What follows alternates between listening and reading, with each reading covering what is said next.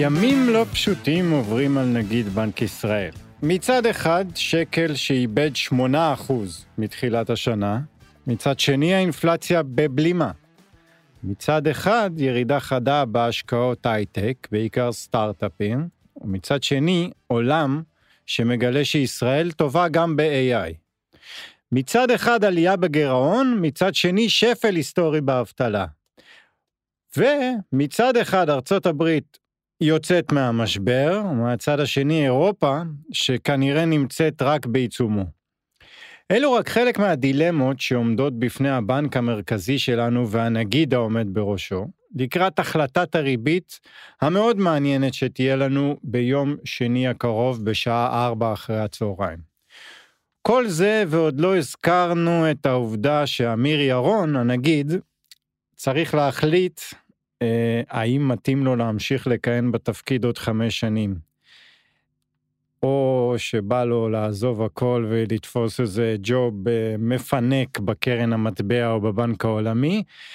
אה, ועוד לא הרחבנו על העניין שאם הוא זה באמת שמחליט. אז שלום וברוכים הבאים לפרק נוסף של פודקאסט מנועי הכסף של כלכליסט עם הכלכלן והאסטרטג הראשי של פסגות אורי גרינפלד, אהלן אורי. אהלן שי. ונדבר בחלק השני על ההחלטת ריבית של בנק ישראל ועל אמיר ירון. אה, יש הרבה מה להגיד, החלטה כן, מעניינת, החלטה נכון? מעניינת, מעניינת. הייתה אמורה להיות מאוד מאוד, פשוטה, ותוך אה, שבועיים וחצי היא הפכה להיות מעניינת. כן, נכון. אבל החלק הזה של אה, אם הוא ממשיך או לא ממשיך, זה, אני חושב שזה חדש, הוא, הוא, הוא, הוא אמור להודיע ממש בשבוע הבא, אנחנו נדע לא, בשבוע... אני חושב שהוא אמר בזמנו שהוא יודיע אחרי החגים. אה, אחרי החגים? כן, אני חושב שהוא אמר את זה במסיבת עיתונאים האחרונה, שהוא לוקח זמן לחשוב על כן. זה, ויש לו דברים שהוא יתעסק כרגע בצד המקצועי, ואחרי החגים אה, הוא יראה, ו... הוא צריך את המנוחה כדי להחליט, אתה אומר. אה, כנראה. כן. צריך ביום כיפור אולי לחשוב על אה, מה היה יותר טוב ומה פחות טוב. כן. או שהוא פשוט עושה לנו כמו לברון, אתה יודע, כן. זה החלטה כזה. בסוף ילך למיאמי. כן. אה, אבל אנחנו נתחיל במשהו אחר. הרבה זמן אה, יחסית לא התמקדנו באירופה. והתזמון עכשיו הוא, הוא לדעתנו תזמון מעולה. דבר ראשון, יצאו נתוני האינפלציה האחרונים ממש רגע לפני שאנחנו נכנסים לשידור. אה, בכל הגוש היורו, ועוד עוד בתחילת השבוע גרמניה הציגה תוכנית אה, אה, למס חברות. אז אה, מאיפה נתחיל, אורי? מהנתון ה... אני חושב שנתחיל מהאינפלציה, אה, כי זה הרקע. אה, וכשנדבר על אירופה, אני חושב שהמסקנה היום בכלל על אירופה היא מסקנה של אה, מצב מאוד מאוד מורכב. אה, אז נתחיל מה- מהאינפלציה אה, שבאמת אה, יצאה לפני זמן קצר, כשהאינפלציה נשארת ברמה של אה, 5.3, אה, אינפלציה שהיא עדיין גבוהה, נזכיר, בארה"ב אנחנו כבר באינפלציה של אה, כשלושה אחוזים, בישראל ראינו את האינפלציה יורדת, בא- באירופה היא נשארת גבוהה, ולא רק שהיא נשארת גבוהה, מה שעוד ראינו, ראינו בעצם שהאינפלציה היום באותה רמה של אינפלציית הליבה. זאת אומרת, כל הדיבורים על זה שכן, האינפלציה באירופה היא גבוהה, אבל זה רק בגלל האנרגיה והמזון וכן הלאה, אה, לדיבורים שכבר הם מיותרים. האינפלציית ליבה שם היא גבוהה. אגב, אירופה, עם כל הבעיות שיש שם, כלכליות, וגרמניה במיתון, שיעור האבטלה באירופה, כשאנחנו אומרים אירופה זה גוש האירו כמובן, הוא בשפל היסטורי, בדיוק כמו בארצות הברית, בדיוק כמו בישראל. זאת אומרת, עדיין קשה מאוד למצוא עובדים למרות ההאטה, וזאת התעלומה היום של אה, אירופה. תכף נדבר על הצד הריאלי. 6.4 אחוזים בדיוק פורסם. כן, זה גבוה, שאתה, כשאתה משווה את זה לישראל או ארה"ב זה גבוה, אבל תמיד האבטלה באירופה גבוהה יותר. אה, יש שם פשוט המון אבטלה שהיא אה, בסיסית כזו, במיוחד במדינות כמו ספרד, איטליה, תמיד רמות יוון. האבטלה שם יותר גבוהות, יוון. אה, תראה, אפשר להסתכל על חצי הכוס המלאה ולהגיד שלמשל, מחירי המזון בגוש האירו עלו בשנה האחרונה ב-9.8%. זה המון. זה המון. אה, כשאתה לוקח בחשבון שבדרך כלל המספרים האלו, כמו בישראל, אתה יודע, תשאל את כל אדם כמה מחירי המזון עלו בישראל, תגיד לך עשרות אחוזים, ובסוף כשאתה מסתכל בנתוני האינפלציה זה לא עשרות אחוזים. התחושה היא תמיד הרבה יותר גדולה אה, ומשמעותית, ואם באירופה במספר הרשמי זה 9.8, התחושה היא מן הסתם הרבה יותר קשה, אבל חודש קודם האינפלציה במחירי המזון הייתה 10.8, אז כן רואים האטה מסוימת. במזון רואים שמחירי האנרגיה אה, נמוכים יותר, אה, בשלושה וקצת אחוזים לעומת לפני שנה, כי בכל זאת הייתה ירידה, אחרי הטירוף של מחירי האנרגיה באירופה, אבל עוד פעם, זה כשלעצמו, גם אם בסוף האינפלציה, האינפלציה של המזון והאינפלציה של האנרגיה והדברים האלו נרגעים, אינפלציית הליבה היא גבוהה, וזה מצב שמצד אחד מכריח את הבנק המרכזי, כמו את הפד, כמו את בנק ישראל, להמשיך ולהעלות את הריבית, כדי לנצח את האינפלציה שמגיעה בעיקר משוק העבודה. הבעיה שבאירופה, הסביבה הכלכלית היא לא כמו בארצות הברית ובישראל, וגרמניה כבר במיתון, ומדינות אחרות באירופה בהאטה משמעותית, אה, שזה חלק מזה זה משבר האנרגיה שהיה, שמשפיע ריאלית. זאת אומרת, בסוף, כשאומרים לך תקצץ 15% מצריכת האנרגיה שלך, יש לזה משמעויות. יש לזה משמעויות מבחינת הצרכן הפרטי, יש לזה משמעויות מבחינת המפעלים, אה, והיית כביכול מצפה לראות מפעלים שעובדים פחות, או מפעילים את המכונות פחות, מפטרים אולי חלק מהעובדים, אבל שוק העבודה עדיין מאוד חם, וזאת התעלומה. אני חייב להבין, למה, למה אנחנו עדיין מדברים במונחים של משבר אנרגיה ב, באירופה? לפני, מתי זה היה? לפני שנה דיברנו, וזה היה ברור, היה מלחמה, ופתאום אה, אה, גרמניה לא יכולה לקנות אנרגיה מ, מ, וצריכה לייצר לבד. מה, עבר, עברה שנה ולא לא השתפר כלום? לא... אבל יש עדיין מלחמה. אנחנו לא, לא שומעים. על זה, אבל המלחמה, כן. יש מלחמה קשה ב- ברוסיה ואוקראינה, זה כבר אי אפשר להגיד אפילו באוקראינה, כי, לא יודע אם ראית, כבר מפציצים כן. שדות תעופה בתוך רוסיה.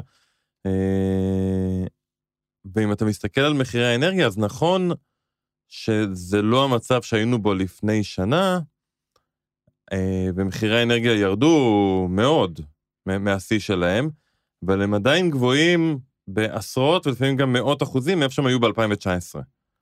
אוקיי. זאת אומרת שעדיין ברמת המחיר, הצרכן או המפעל האירופי נמצא במצב שאו שהוא מעלה מחירים משמעותית של כל, אם אני מפעל, ואני משלם על האנרגיה שאני צורך, אה, נגיד 100% יותר, אז או שאני מעלה מחירים כל הזמן, כל הזמן, ולאט לאט בעצם אוסף לעצמי את הרווח חזרה, או שאני סוגר את המפעל לחלק מהיום, או מייצר פחות, וזה מייצר לנו האטה בפעילות הכלכלית ואינפלציה ביחד, וזה מצב שהוא בעייתי מאוד בעיניים של בנק מרכזי. ברור שבעיניים של הצרכנים, אבל בעיניים של בנק מרכזי זה מצב ש... שמאוד קשה, אתה בין הפטיש לסדן. יש אינפלציה, צריך לעלות ריבית, אבל העלאת ריבית עוד יותר תחנוק את הכלכלה. ואז אנחנו עלולים להיקלע למשבר עמוק. משבר עמוק זה לא בטוח משהו שאתה רוצה להגיע אליו. אתה יודע, השבוע אה, עשיתי הרצאה אצל אחד, אה, איזושהי חברה, ושאל מישהו שאלה אה, מאוד מאוד הגיונית. למה לא מעלים, זאת אומרת, אם המטרה בסוף זה לעצור את האינפלציה, ומיתון יעצור את האינפלציה, כי התחילו לפטר עובדים, ואז לא יהיה לחץ אינפלציוני משוק העבודה, אז שאלו את הריבית לשבע, שוק, יהיה מיתון עמוק, יפטרו עובדים, והאינפלציה תעצר, למה, למה לא עושים את זה ככה? ואני חושב שהתשובה היא שבעיניים של בנק מרכזי, הרצון הוא תמיד לנסות להחליק את התהליך, כי זה לא תוכנת מחשב. ולפעמים כשדברים קורים מהר מדי, הם פתאום מייצרים גלים נוספים שלא היו קורים גם אם היית מגיע לאותו מקום בצורה הדרגתית. למשל, אם אתה מייצר פתאום משבר, נגיד בענף הרכב האירופאי, בגלל שהעלית מאוד מהר את הריבית והעלויות מימון מאוד התייקרו, סתם לקחתי את ענף הרכב כדוגמה. אז נכון, אולי יפטרו עובדים ו... אה, יעזור לצד של האינפלציה, אבל יכול להיות שבדרך בעצם חברות הרכב יאבדו נתחי שוק למשך לא מעט שנים לחברות רכב מהמזרח. כן. וזה דברים שאתה לא מחזיר אותם כל כך מהר. זאת אומרת, אתה יכול לייצר, במשברים אתה יכול לייצר שינויים שנמשכים הרבה זמן, שלא לדבר על פגיעה שעלולה להיווצר במערכת הפיננסית. אם פתאום חברות רכב, לא סתם לקחתי רכב, בוא ניקח חברות נדל"ן, מתחילות להגיע לחדלות פירעון, ואז בעצם החברות שהלוו להם את הכסף, אם זה בנקים, אם זה המערכת הפיננסית, מגיעים בעצמם לבעיה, אז יש לך מחנק אשראי. אם בנקים פתאום חוששים לקרוס, כמו שראינו בתחילת השנה, אז מתחיל להיווצר מחנק אשראי. מחנק אשראי פתאום משביע רוחבית. אז אם אתה מייצר מיתון שהוא הדרגתי כזה, ואף בנק לא פושט רגל, זה אולי יימשך יותר זמן, זה אולי יכאב למשך יותר זמן, אבל הסיכון שתייצר משבר הוא נמוך יותר. ואני חושב שזה כן. זה, זה בסוף הסיפור. שאלה, שאלה באמת מעניינת. אה, כן, שאלה מצוינת. אה, ועוד פעם, המילה זמן, אני חושב, היא מאוד מאוד קריטית פה. אתה פשוט אומר, זה תקופה והיא תעבור, ואם אני אמשוך זמן ולא יפיל משהו, כמו שאתה אומר, אה, מגדל קלפים, אה, לא יקרוס לי, אז אולי אני... בדיוק, בדיוק ככה, וזה עוד יותר מקבל משמעות כשנזכרים שלא לקריסטין קריסטין לגארד, אה, הנשיאה של הבנק המרכזי באירופה, ולא לג'יי פאוול, ולא לאמיר ירון, יש כדור בדולר. זאת אומרת, הם מקבלים היום החלטה שההשפעה שלה תהיה בעוד שנה וחצי, והם ממש מקווים שמה שהם חושבים שיקרה, יקרה. אין להם כדור בדולר, הכל, הכל מתקבל באי-ודאות למשך תקופה גם ארוכה. וזה, בוא, לא פשוט להיות בנק מרכזי. לא. ובאירופה התמונה עוד יותר מסובכת, כי אם תעלה את הריבית, אתה תחמיר את המצב הכלכלי, ואתה עלול לגרום לכלכלה להיכנס לאיזשהו משבר, ואם לא תעלה את הריבית, האינפלציה רק תמשיך לעלות, שהיא גם ככה גבוהה והיא לא ממש מצליחה לרדת. הם ממש נמצאים בין הפטיש לסדן, וזו תקופה לא, לא פשוטה בעיניים שלהם. ובוא נדבר רגע על מה באמת גרמניה עשתה. או, אז זה רק ממחיש כמה התקופה לא פשוטה. תראה, הכותרות היו מאוד מאוד גדולות, גרמניה הוציאה תוכנית לפועל של הורדת מיסים, אה, מס חברות, אה, בשווי של 32, 32 מיליארד אירו. כן. אתה נכנס לתוך התוכנית, אתה רואה עד כמה הבעיה באירופה היא חמורה, כי א', שמור, מס חברות זה המס שכאילו הכי קל כביכול להוריד, אבל ההשפעה שלו היא יחסית מוטלת בספק, כי הרי חברה לא משלמת מס, בסוף מי שמשלם את המס זה או בעלי מחזיקי המניות, אה, ואם אם אתה מוריד את המיסים ומחזיקי המניות ירצו לחלק את הרווח אולי לעובדים, אז תראה עלייה בשכר וכן הלאה, אבל זה לא תמיד קורה, ובסוף יכול להיות שהפחתת מס כזאת רק בסוף מתגלגלת לבעלי ההון, ולא באמת מייצרת פעילות כלכלית חזקה. אה, אז ההשפעה של הפחתת מס חברות אה, לפעמים מוטלת בספק, בטח ובטח כשאתה מסתכל על התוכנית, אתה רואה שזה תוכנית לארבע שנים. בשנה הקרובה אנחנו מדברים על 7 מיליארד אירו, שזה, התוצר של גרמניה זה אה, 4 טריליון אירו.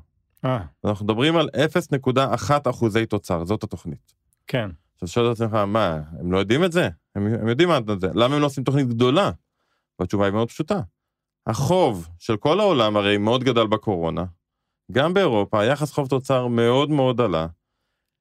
הם לא יכולים, ושם המשמעת הפיסקלית היא הרבה יותר משמעותית. אירופה, הרי ארה"ב עושה מה שהיא רוצה. דיברנו על הגירעון הברית, הורידו להם את הדירוג, הם עושים מה שהם רוצים כי יש להם את הדולר. המדינות באירופה זה לא אותו מצב, ואם הם יתחילו עוד פעם להשתולל עם, ה, עם החובות שלהם, עם הגירעונות שלהם, הם עלולים לחזור ל-2012, בטח כשהריבית נמצאת איפה שהיא נמצאת, ואם איטליה פתאום תרגיש בנוח להתחיל להוציא כסף, כי אם גרמניה תוציא, אז גם איטליה תוציא.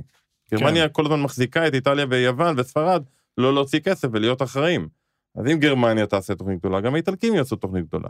אבל אם האיטלקים יעשו תוכנית גדולה ויוציאו יותר מדי כסף, אז פתאום הריבית על האגרות חוב האיטלקיות תקפוץ, בטח כשהריבית גם ככה גבוהה ויש אינפלציה, ואז יכול עוד פעם להיווצר פחד ממשבר כמו ב-2012 של פשיטות רגל והתפרקות של גוש האירו. אירופה באמת, ב- ב- הם כל הסערות. אה, מאוד קשה לזוז ולעשות.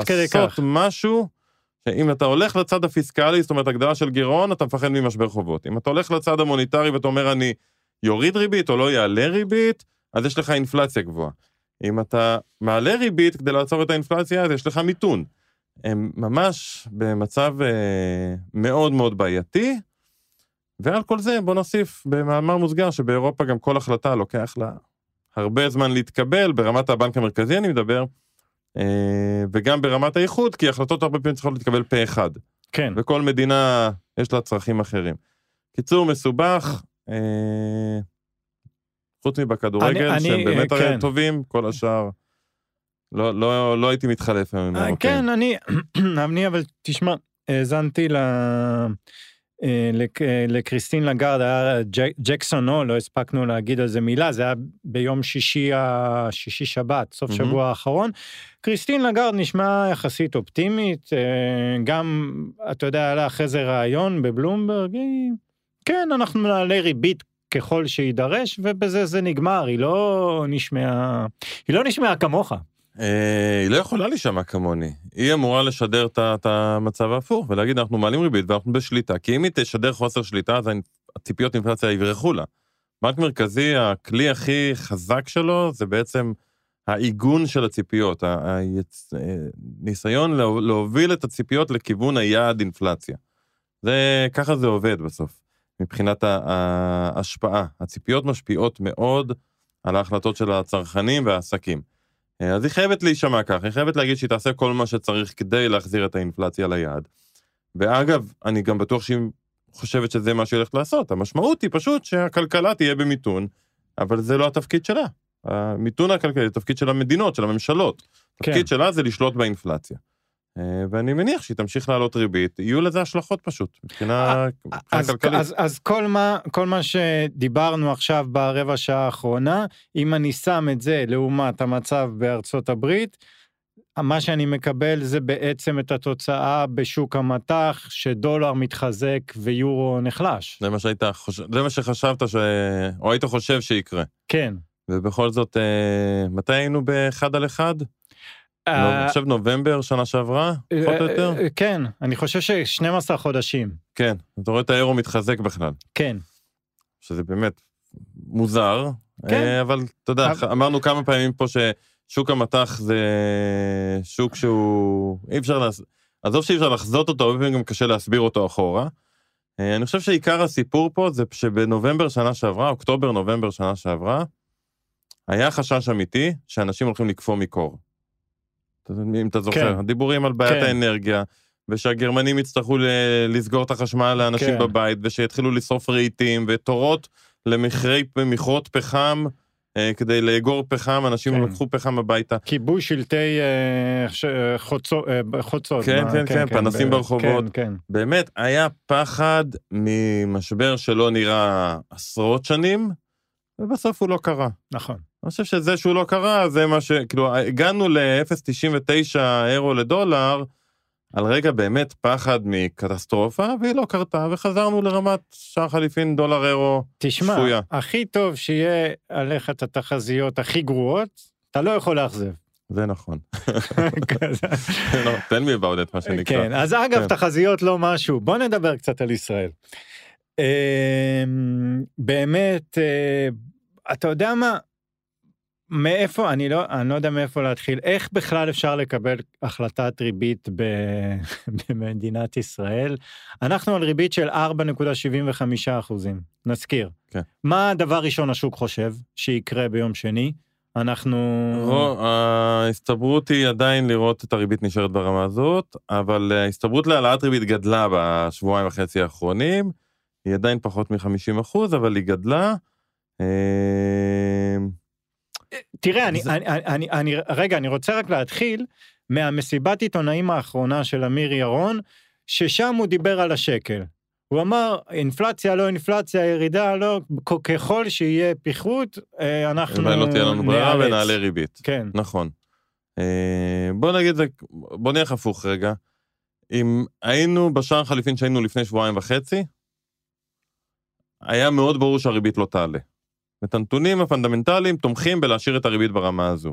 גם הנתונים השוטפים, אם זה המדד המשולב של בנק ישראל, ונתוני המכירות הקמעונאיות, כל מראה שמתחילה איזושהי האטה, אה, וההאטה הזאת זה מה שבנק ישראל רוצה לראות, כי היא בסוף תוביל להאטה באינפלציה. אז נכון ששוק העבודה עדיין מאוד מאוד חזק, אבל אתה כן רואה סימנים לכך שהעלאות הריבית שכבר היו מתחילות אולי לעבוד. מעבר לזה, נתוני האינפלציה שיצאו היו מצוינים, בעיניים של בנק ישראל. כן. אה, ניתחנו אותם פה, דיברנו עליהם, לא, לא הירידה לאינפלציה של 3.3, כי זה יעלה חזרה בנתון הקרוב, זה היה משהו זמני, אלא זה שבאמת, אתה רואה את המגמות אינפלציה, אם אתה יורד לסעיפים שונים, אתה רואה שהאינפלציה במגמה לחזור לכיוון היעד. זאת אומרת, זה עניין של זמן. אוקיי. ואז בעיניי, במובן הזה, בנק ישראל היה יכול לשבת בישיבה שלו ולהגיד, תקשיבו, הכל עובד לפי התוכנית, אין טעם להעלות ריבית יותר. עוד פעם, עשינו מה שצריך לעשות. אבל הדולר הגיע ל-3.8, וזה מעלה את הסימן שאלה, אה, כי אמיר ירון אמר במסיבת עונאים, כמו שאתה אומר, שאנחנו לא סיימנו עם ה... אנחנו לוקחים, איך הוא אמר? אנחנו מרימים את הראש לנשום אוויר, אבל המלחמה באינפלציה לא הסתיימה, ואם השקל יפוחד, זה יכול לבצר, ליצור אה, לחצים אינפלציוניים נוספים, ואז נצטרך להעלות ריבית. והוא שמע על עצמו כביכול את הזכות הזאת להעלות ריבית, אפילו בתחזיות של בנק ישראל, כשמסתכלים קדימה מה תהיה הריבית, אז הם רושמים 4.75 עד 5 אחוזים. הם כאילו אפילו רושמים את זה כתחזית, שהעלאה נוספת היא, היא דבר שבהחלט יכול לקרות. השאלה היא אם שער חלפין של 3.8 זה מספיק כדי להצדיק העלאת ריבית, ואני לא אומר את זה סתם, אני אגיד את זה אחרת קצת, האם זה מספיק כדי להצדיק את העלאת הריבית? כי אם עכשיו על כל אה, פיחות יעלו עוד ריבית, אז אנחנו יכולים בטעות להגיע מאוד מאוד מהר גם לחמישה כן. וחצי אחוזים. ואני לא חושב שזה מה שבנק ישראל רוצה לעשות. אה, אז הוא כאילו שמר בצד... זאת אומרת שהוא לא רוצה להתנות לגמרי את השער החליפין בריבית? אני חושב שהוא רוצה אה, לשמור את העלאת הריבית למשהו יותר קיצוני. זאת אומרת, יכול להיות ששלוש שמונה זה לא מספיק כדי לעשות את אותה העלאת ריבית שהוא שמר בצד. אוקיי. אה, עוד פעם, אני מנסה להיכנס לראש שלהם, ולפי המסיבת עיתונאים האחרונה ולפי ההודעות שלהם, מה שהם בעצם אמרו, אם אני הבנתי נכון, זה רמת הריבית, ה-4.75 זה אמור להספיק, זה יעשה את העבודה. כן. עכשיו, אם פתאום יהיה פיחות חד בשקל, לא תהיה לנו ברירה, נצטרך לעלות ריבית, כי פיחות חד בשקל מקפיץ אותנו עוד פעם את רמת האינפלציה. אוטומטית זה מקפיץ את רמת האינפלציה. אז לא תהיה לנו ברירה. אבל אני לא חושב שהם התכוונו לזה שכל אה, פיחות של 3-4 אחוזים אנחנו נעלה אה, אה, עוד אה, אה, רבע אחוז ריבית ועוד רבע אחוז ריבית, כי הם לא רוצים להגיע לריבית של חמש וחצי. זה כבר ריבית גבוהה מדי שעלולה לגרום למיתון עמוק מדי. כן.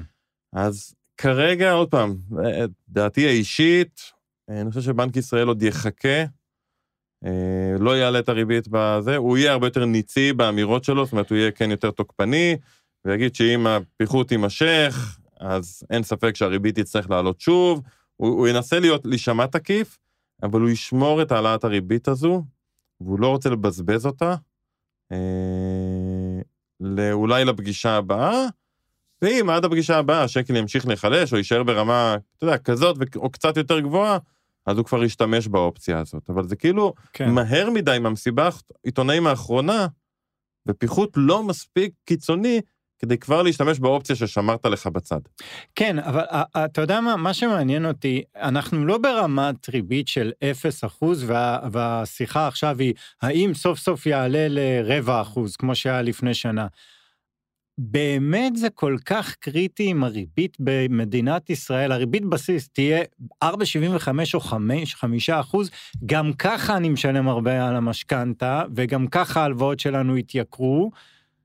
באמת הרבע אחוז הזה יחסית... אם זה לא קריטי ל... לכלכלה, זה אה, בטח לא יהיה אה, קריטי לשער חליפין. אה, אוקיי. אוקיי?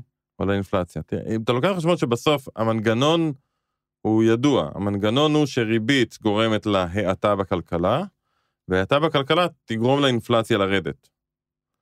אז אם אתה אומר זה לא כזה ישפיע על הכלכלה, זה גם לא כזה ישפיע על האינפלציה, אז למה לעשות את זה?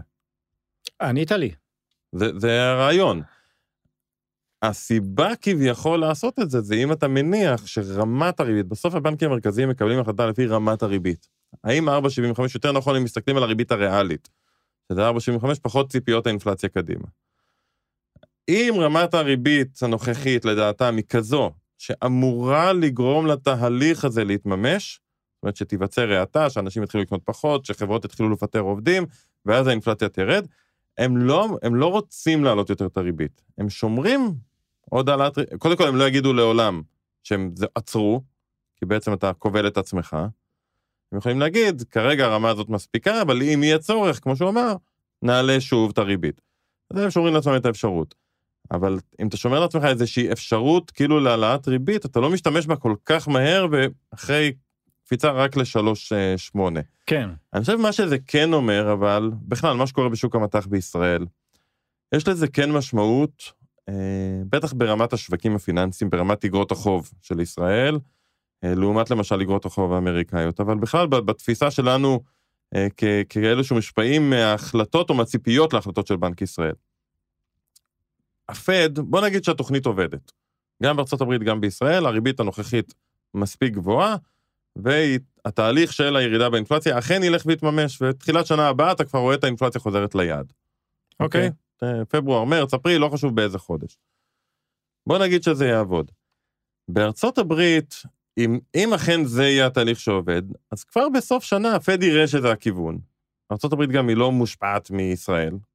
או ממישהו אחר. או ממישהו אחר. אה, אפשר להגיד שמסין היא קצת מושפעת, או... אבל בגדול היא היא. ואם הפד יראה שזה, שזה קורה, אז הוא יוכל להתחיל לשדר את המסרים שהוא רוצה ולהגיד, אנחנו מאמינים שתוך מספר חודשים האינפלציה תגיע ליעד, ונתחיל לשקול הפחתת ריבית. כשזה יקרה, כמובן שהשוק יגיב, כי הצעד הבא הוא כבר הורדת ריבית, אז אתה תראה כנראה גם עלייה בשוקי האג"ח וגם עלייה בשוקי המניות, סביר להניח. בישראל, לעומת זאת, היכולת של בנק ישראל כאילו לתכנן קדימה היא הרבה יותר נמוכה. כי תאר לך מצב שבו הוא אומר, הכיוון הוא נכון, ואנחנו נשקול אה, להפחית אה, ריבית, ואז אתה בשלוש תשע והוא צריך להעלות ריבית. כן. אז התנודתיות המטורפת הזאת שנהייתה בשוק המטח, והתנודתיות מאוד גדלה בשוק המטח. עזוב, אם אחרי הפיחות הזה מ-3.8, יכול להיות שעוד שבוע נהיה ב-3.65, אני לא יודע.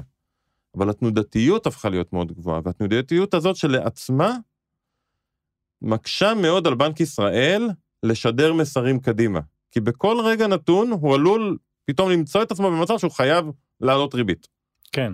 אה, וזה, יש לזה השפעה קודם כל על השוק הישראלי. כן. ומעבר לזה יש לזה גם השפעה עלינו כצרכנים, כי אם אני מניח שבעוד שנה הריבית תתחיל לרדת, אז אני אכניס את זה לחישובים שלי, באיזה משכנתה, איזה מסלול משכנתה אני רוצה לקחת, ואם אני רוצה לדחות את הקניית רכב שלי לעוד חצי שנה, לא אכפת לי להמשיך לנסוע ברכב הזה, ואתה רוצה לקבל החלטות בתנאים של ודאות, והתנודתיות בשוק המטח מאוד מאוד מקשה על זה. אז, אה, אז אין לנו מה לצפות שנקבל איזו הצהרה במחצית השנייה, נשקול להוריד ריבית, להתחיל להוריד ריבית, כמו שהשוק מתמחר למשל בארצות הברית. אני לא חושב, שב... לא... אני חושב שבישראל לא, לא, זה יהיה הרבה פחות ברור. הפד יהיה הראשון שיתחיל לדבר על זה, זה עוד פעם, זה כל זה בהנחה שאכן הדברים יעבדו. כן. כן. אבל אני חושב שזו הנחה סבירה היום. ואז הפד יתחיל לשדר את המסרים שלו, ויכול להיות שבנק ישראל יגיד, הנה, בארצות הברית כבר מתחילים לדבר על הפחתת ריבית, במידה וגם פה האינפלציה תתכנס לתוך היעד ולא יהיו הפתעות בשוק המטח, גם אנחנו נשקול את זה. אבל זה בהינתן ש...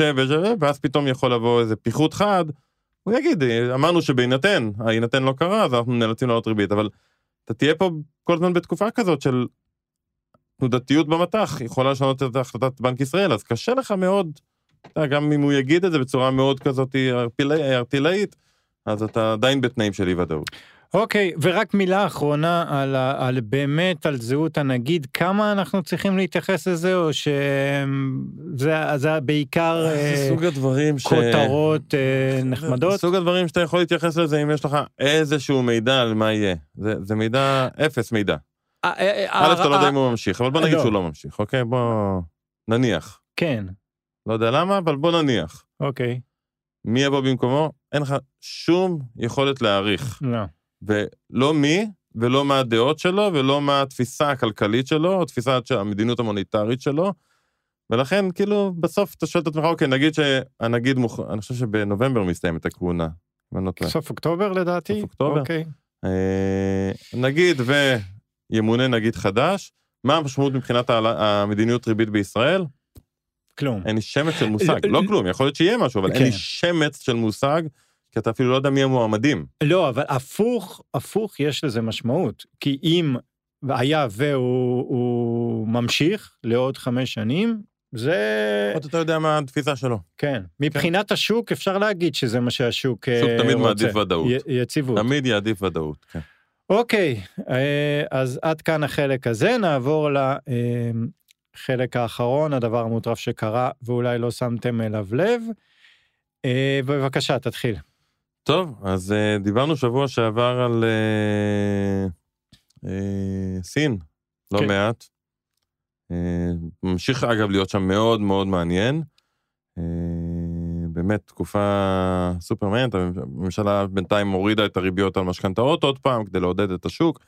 אבל לא חשוב, מה שבאמת מעניין זה שיצאתי כתבה, האמת שהיא לא חדשה, אה, אבל מצאתי איזושהי כתבה של, אה, אני חושב שזה של הוול סטריט ג'ורנל, שבה בעצם הבנקים, הבנק המרכזי או הממשל בסין אה, מוציא הוראה, או מוציא, או מפעיל לחץ בצורה מנומסת על אה, אמצעי התקשורת במדינה, הזרי, הזרי, המקומיים והזרים, לנסות להימנע מלדבר על אה, מגמות אה, כלכליות שליליות, כמו הדפלציה, או עלייה בחששות למצב הפיננסי של הבנקים, אה, ולהתאוששות של הכלכלה אה, הסינית.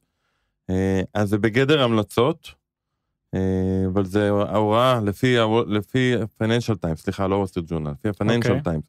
אה, זו הוראה שירדה בצורה מאוד ברורה אה, מהממשל, ואמצעי התקשורת המקומיים חייבים לקבל את ההמלצה הזו. אה, ו... יודע, דיברנו לפני שנייה על בנק ישראל ש... או, ב... או הפד שמנסה לשדר מסרים, שזה הכלי העיקרי שלו, כן, אז בסין אה, זה, זה עובד על סטרואידים. הכי טוב. משדרים שאין בעיה, כן, אין כן. דיפלציה, אין אה, אה, חשש למשבר. אה, ו- ומקווים שכולם מאמינים. כן, אתה יודע, ההיסטוריה מראה שזה ממש לא עובד. זה כן. ממש ממש לא עובד. אה, תראה, יש אה, בעיה, תלוי איך מסתכלים על זה. יש ירידה עולמית בצריכת היין. זו תופעה שהחלה בקורונה, והיא ירידה? נמשכת מפתיע אותי. ירידה בצריכה. בקורונה, לפחות אנשים אה, בסביבה הקטנה שלי, ראיתי עלייה בצריכת היין. אלכוהול, לא יין. אה, אוקיי.